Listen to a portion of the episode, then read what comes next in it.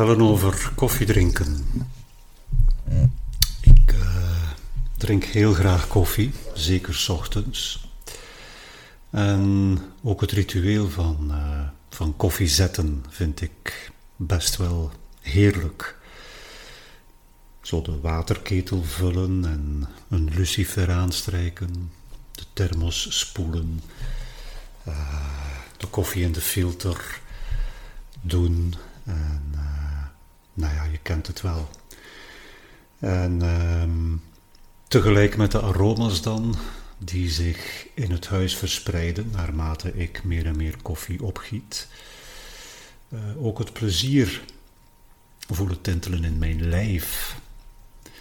En ik geniet, ik geniet echt van, van die momenten. En vaak is het zo dat ik al s'avonds, de avond ervoor, voor het inslapen, als het ware glimlach naar mijn eerste slok koffie. Net zoals ik ook s ochtends na het wakker worden al uh, vaker ook, of vaker ook al dan uh, denk, ah, koffie, zo dadelijk. En ja, dan verlang ik naar de sensaties op mijn, op mijn tong en die, uh, die geur ook al natuurlijk en, en de koffie die, die mijn lichaam, mijn lijf binnenstroomt. En een zeker gevoel ook van, van, ja, van geborgenheid.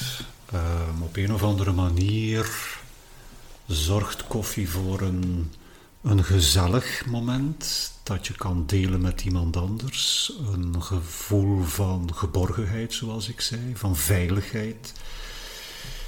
En uh, ja, daar kan mijn gemoed ook van tintelen. Nu, het gebeurt ook heel, heel vaak dat het uh, genieten in onrust verandert. In nervositeit, in, in gejaagdheid, in, uh, ja, in, in verdwazing eigenlijk. In iets wat ik dan, uh, of waar ik, waar ik als het ware verblind door geraak. Uh, en het heeft te maken met het besef dat groeit dat het moment van koffie drinken en, en, en dat veilige moment, dat moment van genieten en plezier, dat dat straks ook weer voorbij gaat. En ik wil dat niet. Ik wil dat dat uh, blijft duren. En, en ik reken, als ik deze kop gedronken heb, hoeveel kan ik dan nog drinken? Want ik weet dat mijn lichaam eigenlijk niet al te veel koffie aan kan. Um, ja, ik geniet van koffie. Ik heb uh, heel graag dat ik koffie kan drinken, maar mijn lijf um, ja, is ook uh, vaak heel snel een lijf dat zegt stop, genoeg. Um, maar ja, ik wil meer. Ik wil niet luisteren naar mijn lichaam, naar dat lijf. En ik wil het moment van genot en plezier opnieuw oproepen, herhalen.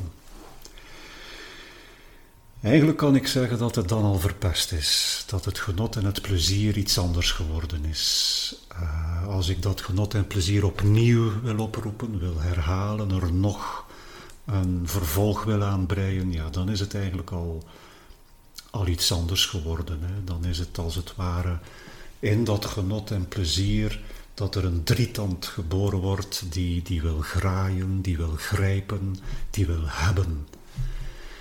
En een volwassen man van 57, want dat ben ik, neemt dan nog wat koffie. In de ban, in de ban van plezier, van, van heel kortstondig plezier weliswaar, maar toch in de ban um, van plezier. En dat plezier verandert snel in een, in een gekarteld gevoel, want eigenlijk is het niet meer genieten dan. Het is ook niet meer ja, wat het was, het is niet meer wat het was. Het is, uh, ja, ik zeg een gekarteld gevoel, omdat er scherpe randjes aan gekomen zijn. Omdat het uh, voelt Um, om een metafoor te gebruiken, om, om, of om een beeld te gebruiken, alsof ik uh, tientallen kleine balletjes met kleine stekeltjes, minuscule stekeltjes inslik. Het, het voelt gewoon niet, uh, niet prettig, maar ik wilde dat herhalen, ik wilde daaraan vasthouden. Hè. En nogthans ken ik ook de ervaring van simpelweg te genieten van koffie en op het juiste moment te stoppen. En ja, ik herinner mij ook dat dat eigenlijk heerlijk is om ja, te luisteren naar mijn lichaam. Dat zegt genoeg, genoeg koffie.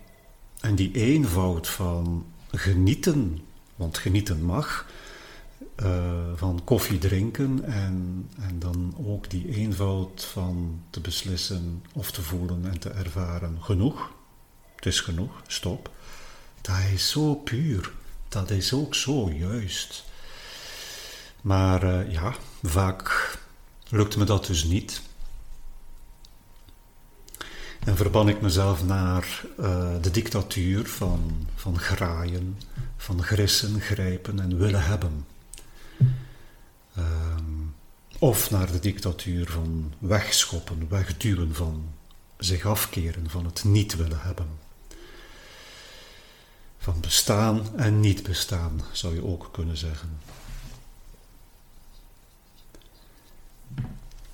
En de Boeddha leerde ons dat een dergelijk dorstig, krampachtig, koortsachtig verlangen um, aan de basis ligt van, van ons onbevredigd gevoel, van, van onze frustratie, van ons ongemak, onze ontevredenheid, onze pijn, ons lijden. En wat de oorzaak is van dat koortsachtige, krampachtige, dorstige verlangen, dat ons in de band slaat en aan banden legt, uh, en ons ook eigenlijk in een toestand van dronkenschap voert, wat dus daaronder zit, wat daar de oorzaak van is, uh, is een geloof dat ik werkelijk besta, dat ik werkelijk besta, als een afzonderlijk en onafhankelijk geheel, en dat er in mij als het ware in dat onafhankelijk, afzonderlijk geheel een soort aandrijfsysteem zit, een centraal aandrijfsysteem zit, dat ervoor zorgt dat dat onveranderlijke ik, dat substantiële ik, dat werkelijke ik waarin ik in geloof, dat dat krijgt wat het wil om zich goed te voelen en welzijn en geluk te kennen. Um, en dat er dan weggeschopt wordt wat het niet wil, uit vrees voor, ja, voor, voor ongemak, voor pijn, voor tekort, voor verdriet.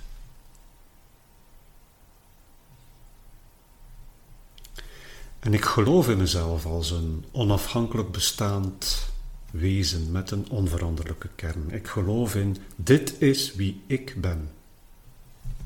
Ik besta uit zichzelf.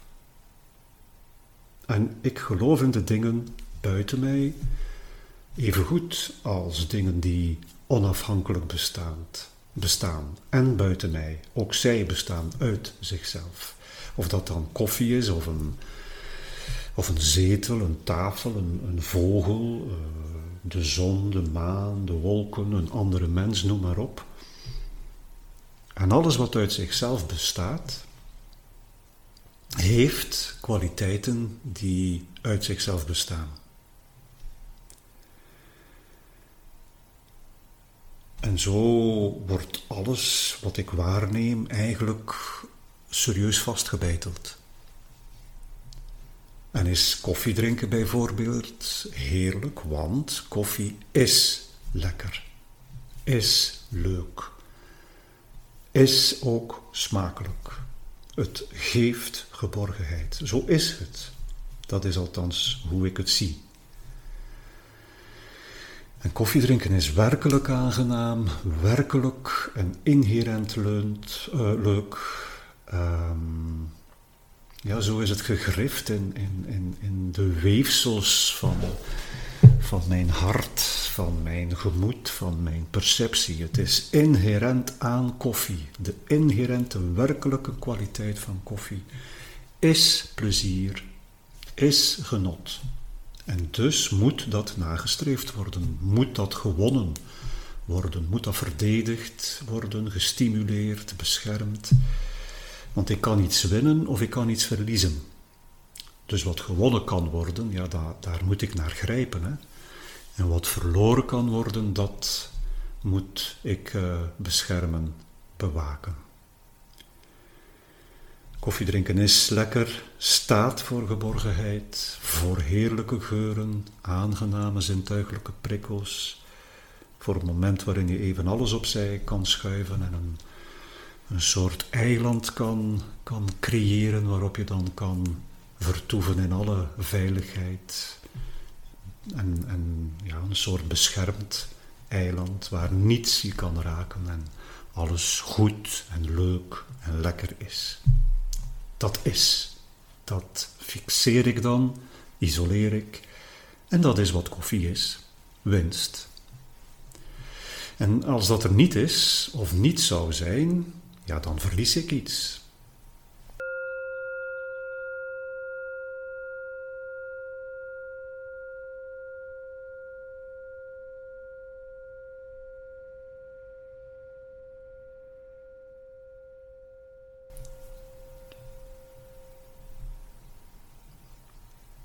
En het opgeblazen gevoel in mijn maag, dat uh, ontstaat als ik te veel koffie gedronken heb, of eventueel ook nerveuze tintelingen die ik ook wel kan ervaren als ik te veel koffie gedronken heb, uh, nerveuze tintelingen in mijn borst, uh, ook een soort agressieve aanslag op mijn energie die ik soms ervaar. Het is soms alsof koffie ook een echt roofdier is, dat mijn energie in, in, in bezit neemt en bovendien ook nog eens mijn, uh, mijn mond uitdroogt en de rest van mijn lichaam waarschijnlijk.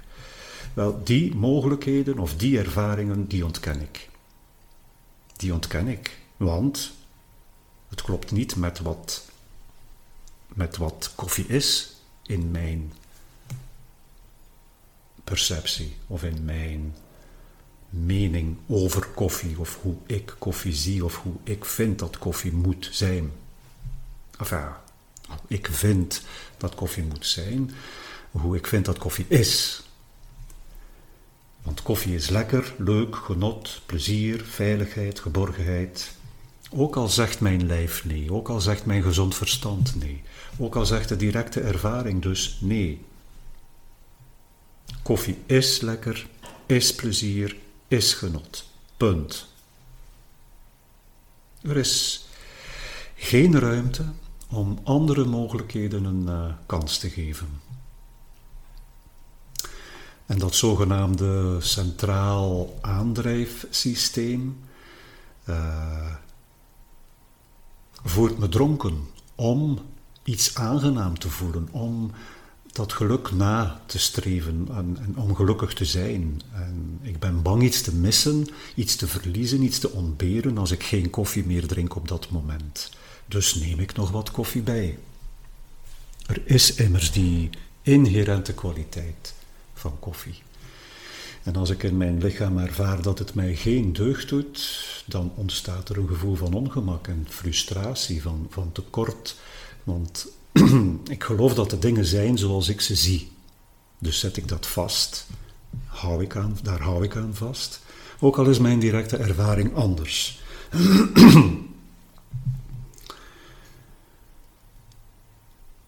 maar in dat geval wil ik dat mijn directe ervaring anders is. Dus als mijn directe ervaring is dat het mij eigenlijk niet zoveel deugd doet, wil ik dat mijn directe ervaring anders is. En eigenlijk overeenstemt met hoe ik denk dat het zou moeten zijn, namelijk dat het wel deugddoend is. Want dat is wat werkelijk is. En ja, dat, dat zogenaamde centraal aandrijfsysteem waar ik het over heb, neem dat niet letterlijk alsjeblieft. Uh, het is uh, een beeld dat ik eventjes gebruik om meer zicht te krijgen over eh, of op hoe, hoe wij in elkaar zitten als mens.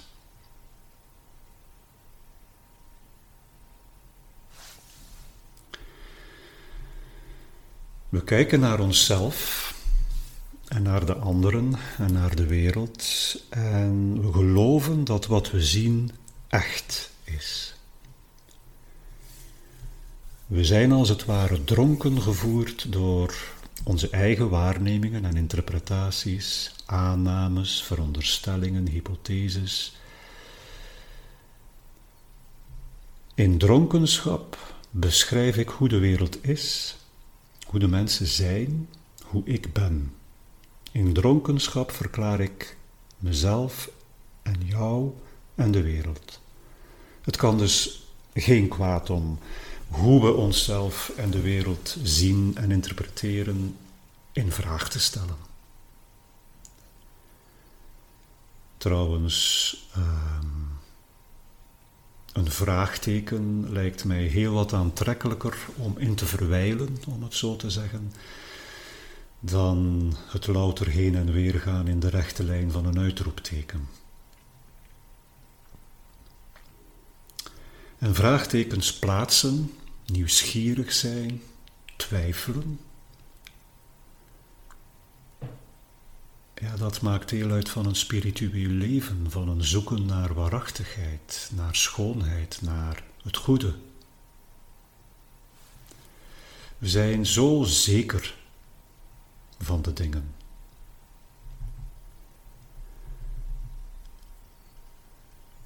We zijn zo zeker van de dingen. Als ik s'avonds ga slapen, zeg ik bijvoorbeeld tot morgen. Ik ga er zomaar vanuit dat ik weer wakker word.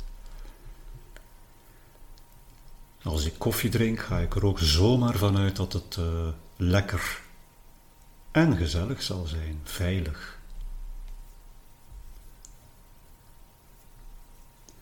We jagen dingen na omdat we denken dat ze permanent zijn, dat ze werkelijk zijn, substantieel, maar op een bepaald moment verdwijnen ze.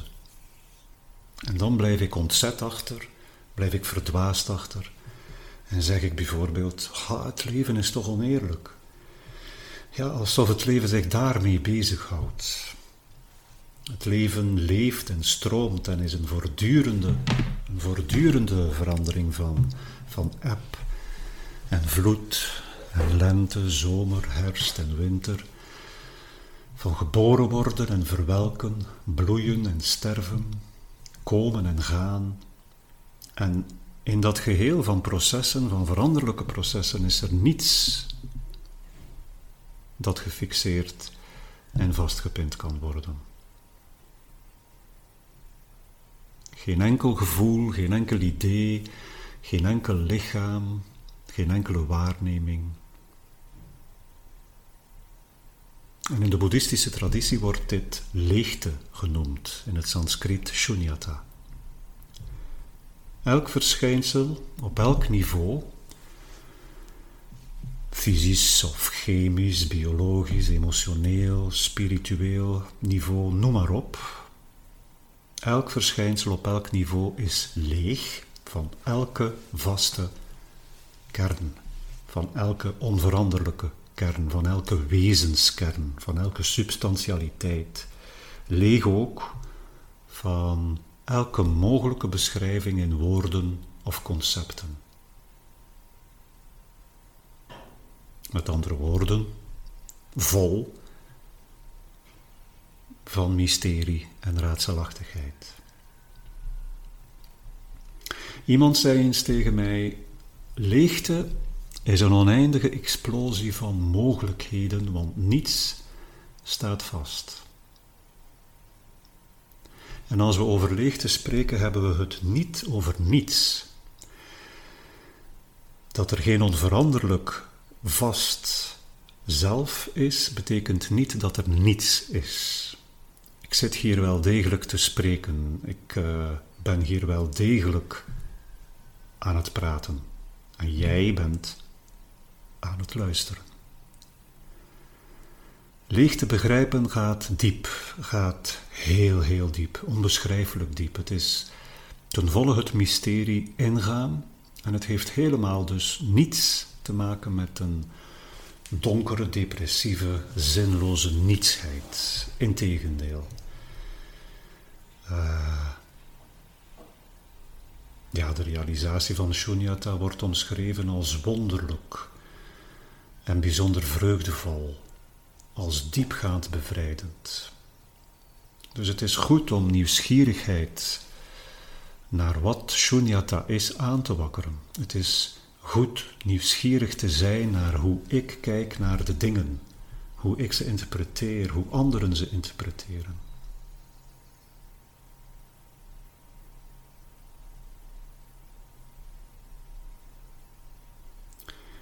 Een gevoel van pijn en frustratie, of wrok bijvoorbeeld, uh, iemand iets betaald willen zetten.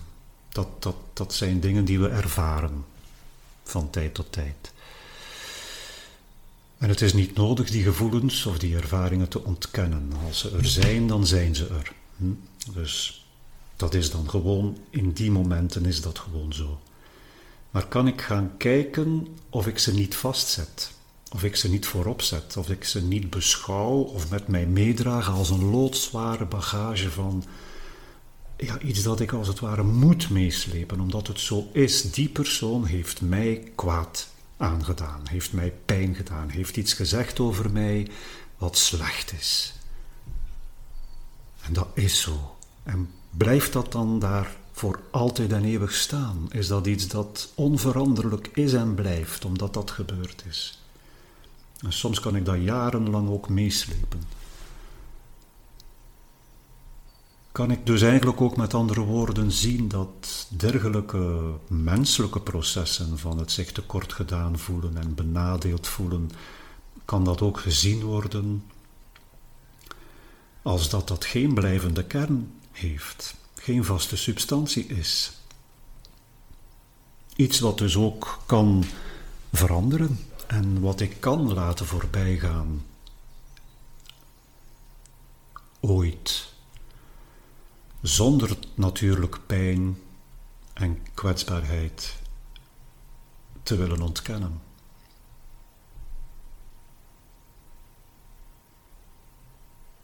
Ik zei al, we zijn zo zeker van de dingen. Dan kan ik echt met zekerheid zeggen dat dit leven het enige leven is, bijvoorbeeld? Kan ik dat echt zeggen met zekerheid? Dit leven is het enige leven. Iets wat zo stellig beweerd wordt door heel veel mensen. Maar kan dat gestaafd worden? Kan ik ook met zekerheid zeggen dat bewustzijn, het menselijke bewustzijn, dat dat eigenlijk alleen maar een functie is van het menselijke brein? Kan dat gestaafd worden? Is dat iets dat met zekerheid geweten wordt?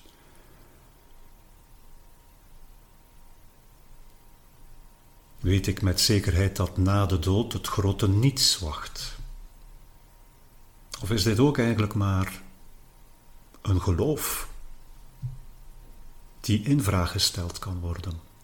Of dat in vraag gesteld kan worden? Kan ik tenminste toegeven dat ik het niet weet of dat ik het niet zeker weet?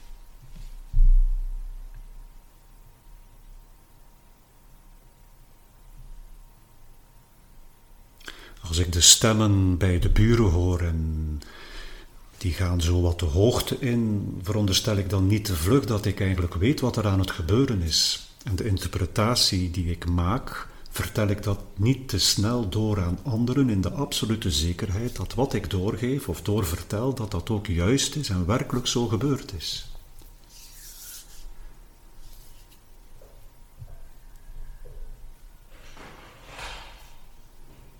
en dat alle verschijnselen leeg zijn. Ja, dat is de beschrijving van de werkelijkheid door de Boeddha die wakker geworden is uit zijn dronkenschap en zag dat het de weg toont naar vrijheid. Het is niet zomaar een metafysisch spelletje om uh, te illustreren hoe intelligent we wel zijn. En zien, werkelijk zien, doorzien, inzien. Dat wat ik de werkelijke ervaring noem van een echt zelf, de zogenaamd werkelijke ervaring van een zogenaamd echt zelf, waar ik dus wel in geloof, in een echte wereld, ja, zien dat dat geloof daarin eigenlijk een fundamentele vergissing is en de oorzaak van ons lijden. Dat is zien.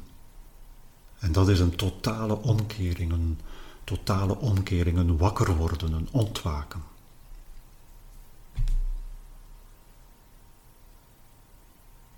Dus ja, wees maar nieuwsgierig. En durf maar in de vraag, of durf maar in vraag stellen. Het hoort bij het spirituele pad. Het hoort bij.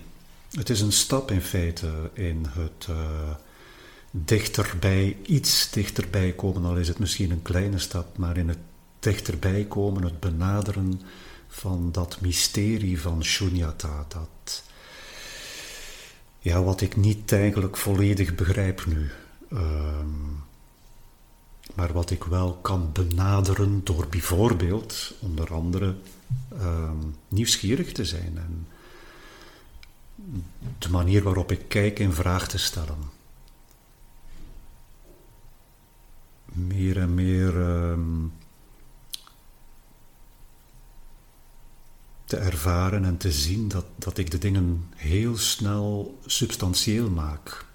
Een, een, vastheid toeken, een, een werkelijk zijn toeken. Terwijl dat het er niet is. Het is er niet. Het is, uh, het is leeg van elk werkelijk zijn. En dat meer zien, dat ook meer in vraag stellen, is een stap dichter naar, ja, naar die rijkdom waarschijnlijk. Ik zeg waarschijnlijk omdat ik het niet uh, ten volle weet of begrijp, ik kan het alleen maar vermoeden, die, die, die rijkdom van Shunyata.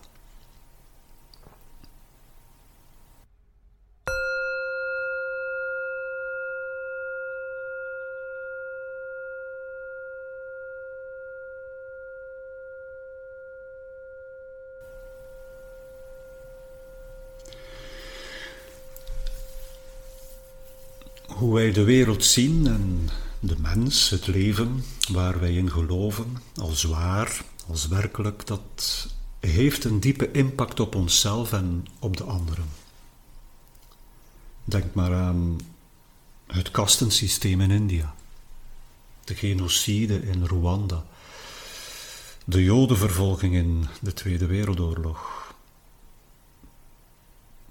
hoe we omgaan met onze aarde hoe we omgaan met, met de anderen op het werk, hoe we aan politiek doen, hoe we omgaan met fouten in ons leven en met successen en, enzovoort, enzovoort eigenlijk.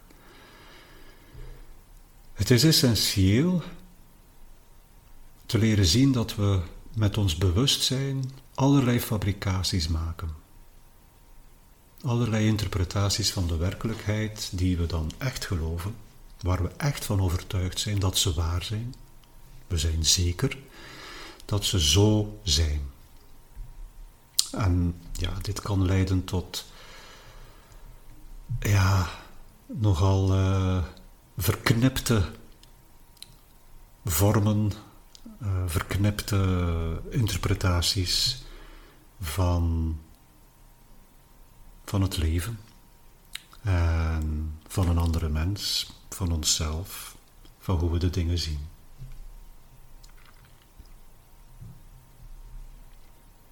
Een tijd geleden was ik in een museum. en ja, de COVID-19-regels uh, waren nog altijd geldig. Uh, dus we moesten onze mondmaskers opdoen. Er uh, was ook een uh, systeem van uh, inschrijvingen om het museum te bezoeken, zodanig dat er niet te veel mensen in, in één keer op dezelfde plaats waren, dat dat wat verspreid kon worden. Er was ook de regel van anderhalve meter.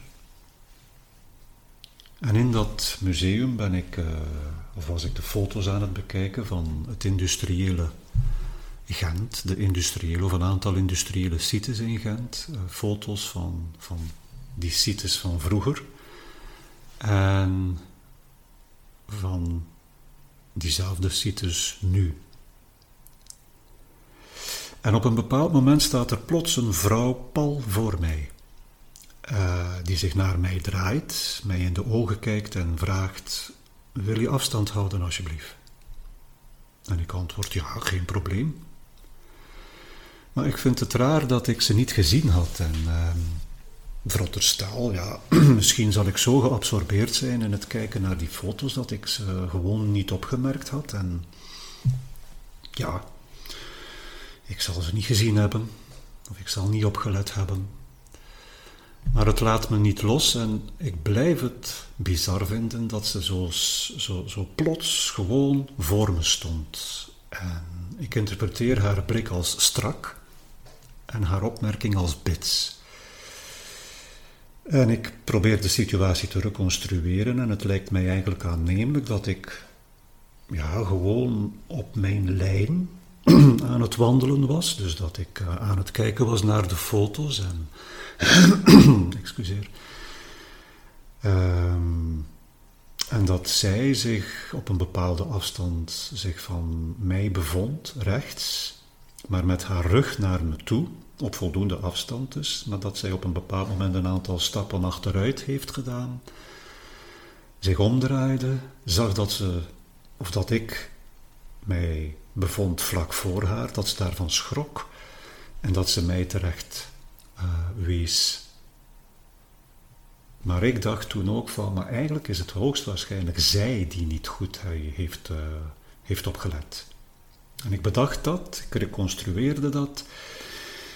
En op een bepaald moment neem ik eigenlijk gewoon weg aan, ja, zo is het gebeurd. En vanaf dat moment ook, bijna gelijktijdig, zo is het gebeurd, werd ik ook boos. En verwenste ik haar innerlijk en, en zei ik ook tegen haar van, uh, allee, innerlijk, gij COVID-fundamentalisten. En later in het uh, museum zag ik haar nog een paar keer en ik voelde wel dat de boosheid al, al wat rustiger aan het worden was.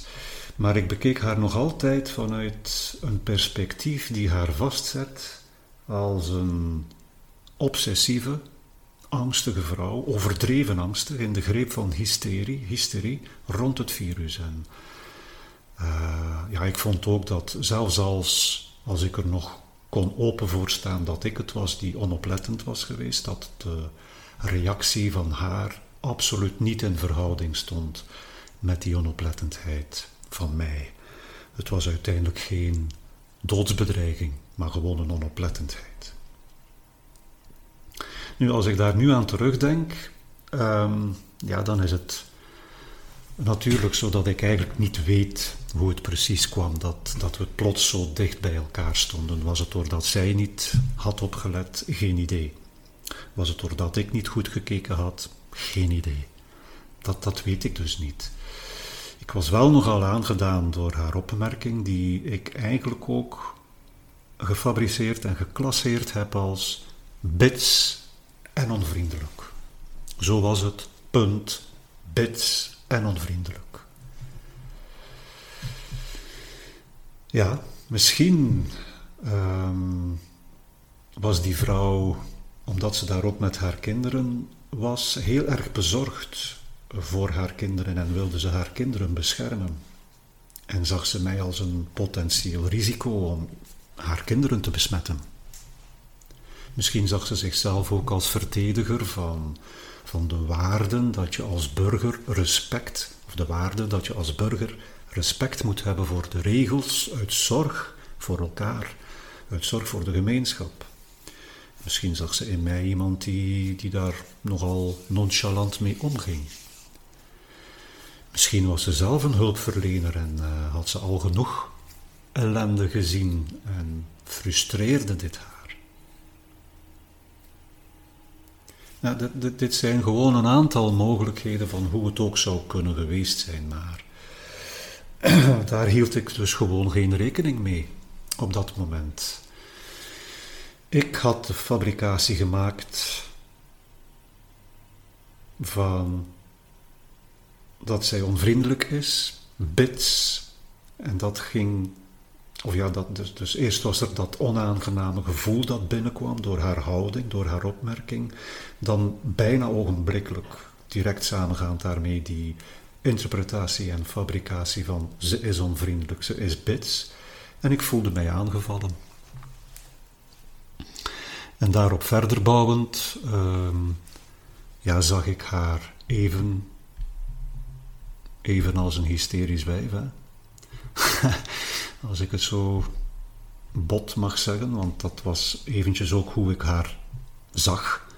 En uh, ik herinner mij ook nog dat ik haar man zag en dacht: Oh, je arme stakker, met wat ben jij opgescheept? Of met, met wat zit jij opgescheept? Nou, waar ik hier nu vooral de aandacht op wil vestigen is hoe ik uh, ja, dingen zie en vastzet als direct werkelijk. Hoe mijn bewustzijn, ons bewustzijn, want ik ben daar niet uniek in, uh, dingen vastzetten als direct werkelijk. Die vrouw was voor mij onmiddellijk bits, onvriendelijk. En ik fabriceerde dan nog een aantal minder fraaie dingen daarbij. Hè? obsessief, hysterisch, een fundamentaliste. En dat alles werd uh, op zijn minst een paar ogenblikken lang door mij geloofd, omdat ik ja, die dingen als waar beschouwde, als echt, als werkelijk. En er ontstond een verkramping in mij, een geslotenheid, um, een houding waarin boosheid groeide, en waarin ik ook eventjes voelde dat ik het haar zou willen betaald zetten. En dit directe, spontane geloof in de echtheid van dingen, de werkelijkheid van dingen, zo is het gebeurd. Dit bewustzijn dat, dat verschijnselen, fenomenen ogenblikkelijk projecteert in zo is het, zo is het gebeurd, zo bets keek ze me aan, zo was het. Zo onvriendelijk sprak ze. Ze is obsessief, ze is hysterisch enzovoort. Ja, dat, dat veroorzaakt een kramp in lichaam en hart. Uh, en afgeslotenheid, lijden eigenlijk ook. Het is alsof ik letterlijk een sleutel in het sleutelgat omdraai en iets op slot zet.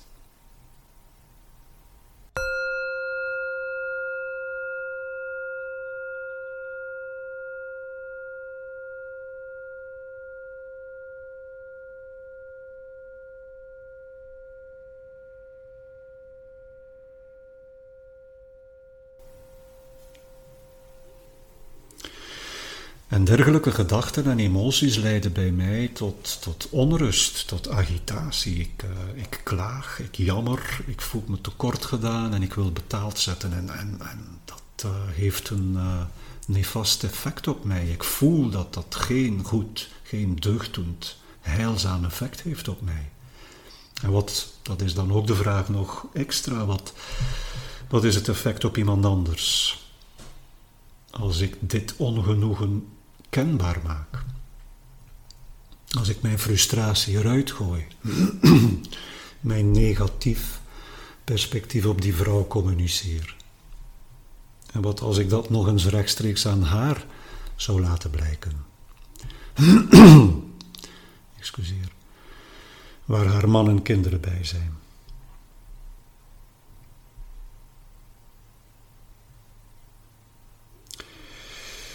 Dus kijken wat mijn perspectief is, hoe ik kijk, hoe ik op basis van dat perspectief denk en voel en reageer en wat de gevolgen daarvan zijn, dat is behulpzaam.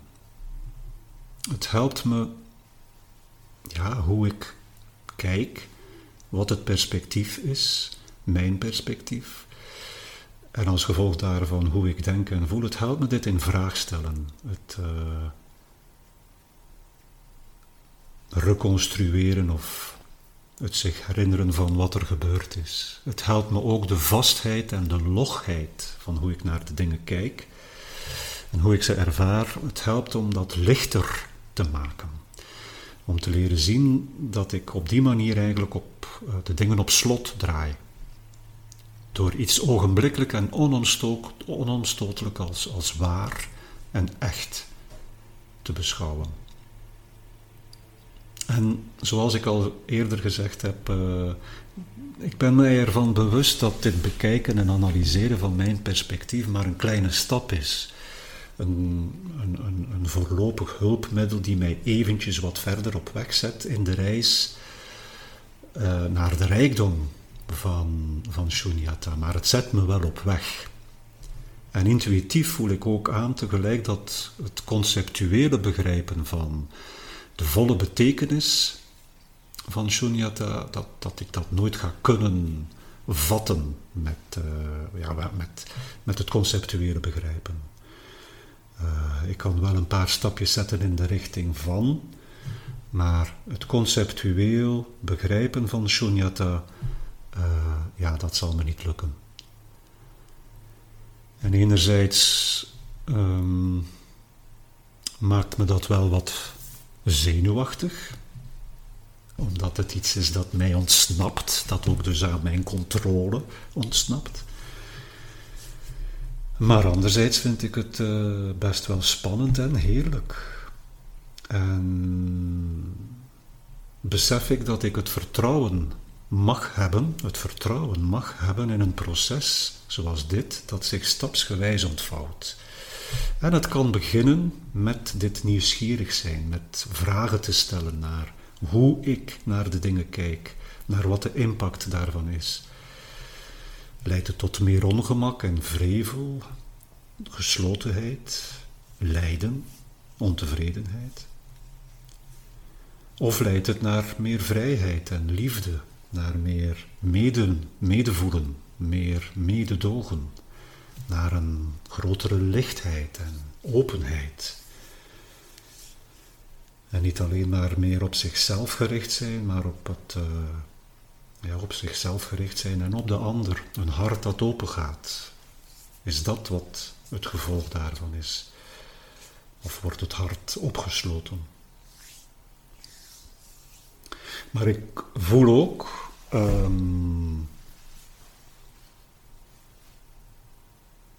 dat mij, en ik denk ook dat mij trainen en oefenen, mezelf oefenen in een open houding en, en in nederigheid om, om te reizen in die rijkdom van Shunyata, uh, ja, dat dat meer dan de moeite waard is en dat, dat dat mijn leven heel veel kleur geeft en dat het eigenlijk ook zorgt voor een, ja, voor, ja, voor zowel nederigheid als meer uh, ontzag en een gevoel van verwondering. En ik kijk er naar uit en, en laat me ook graag hierin begeleiden um, door spirituele vrienden. Want um, ja, ik weet ook alleen, of het alleen doen, dat dat, ja, dat dat veel moeilijker is voor mij. Zo niet onmogelijk.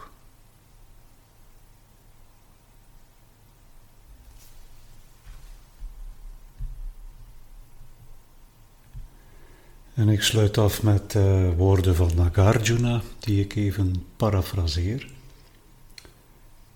Als bij iemand de rijkdom van Shunyata meer en meer tot bloei komt, de volheid van Shunyata meer en meer tot bloei komt, dat men het dus echt verstaat met het hart, dan zal in dat hart van die mens, in het gemoed van die mens, zonder enige twijfel, meer en meer toewijding zijn aan het welzijn van anderen.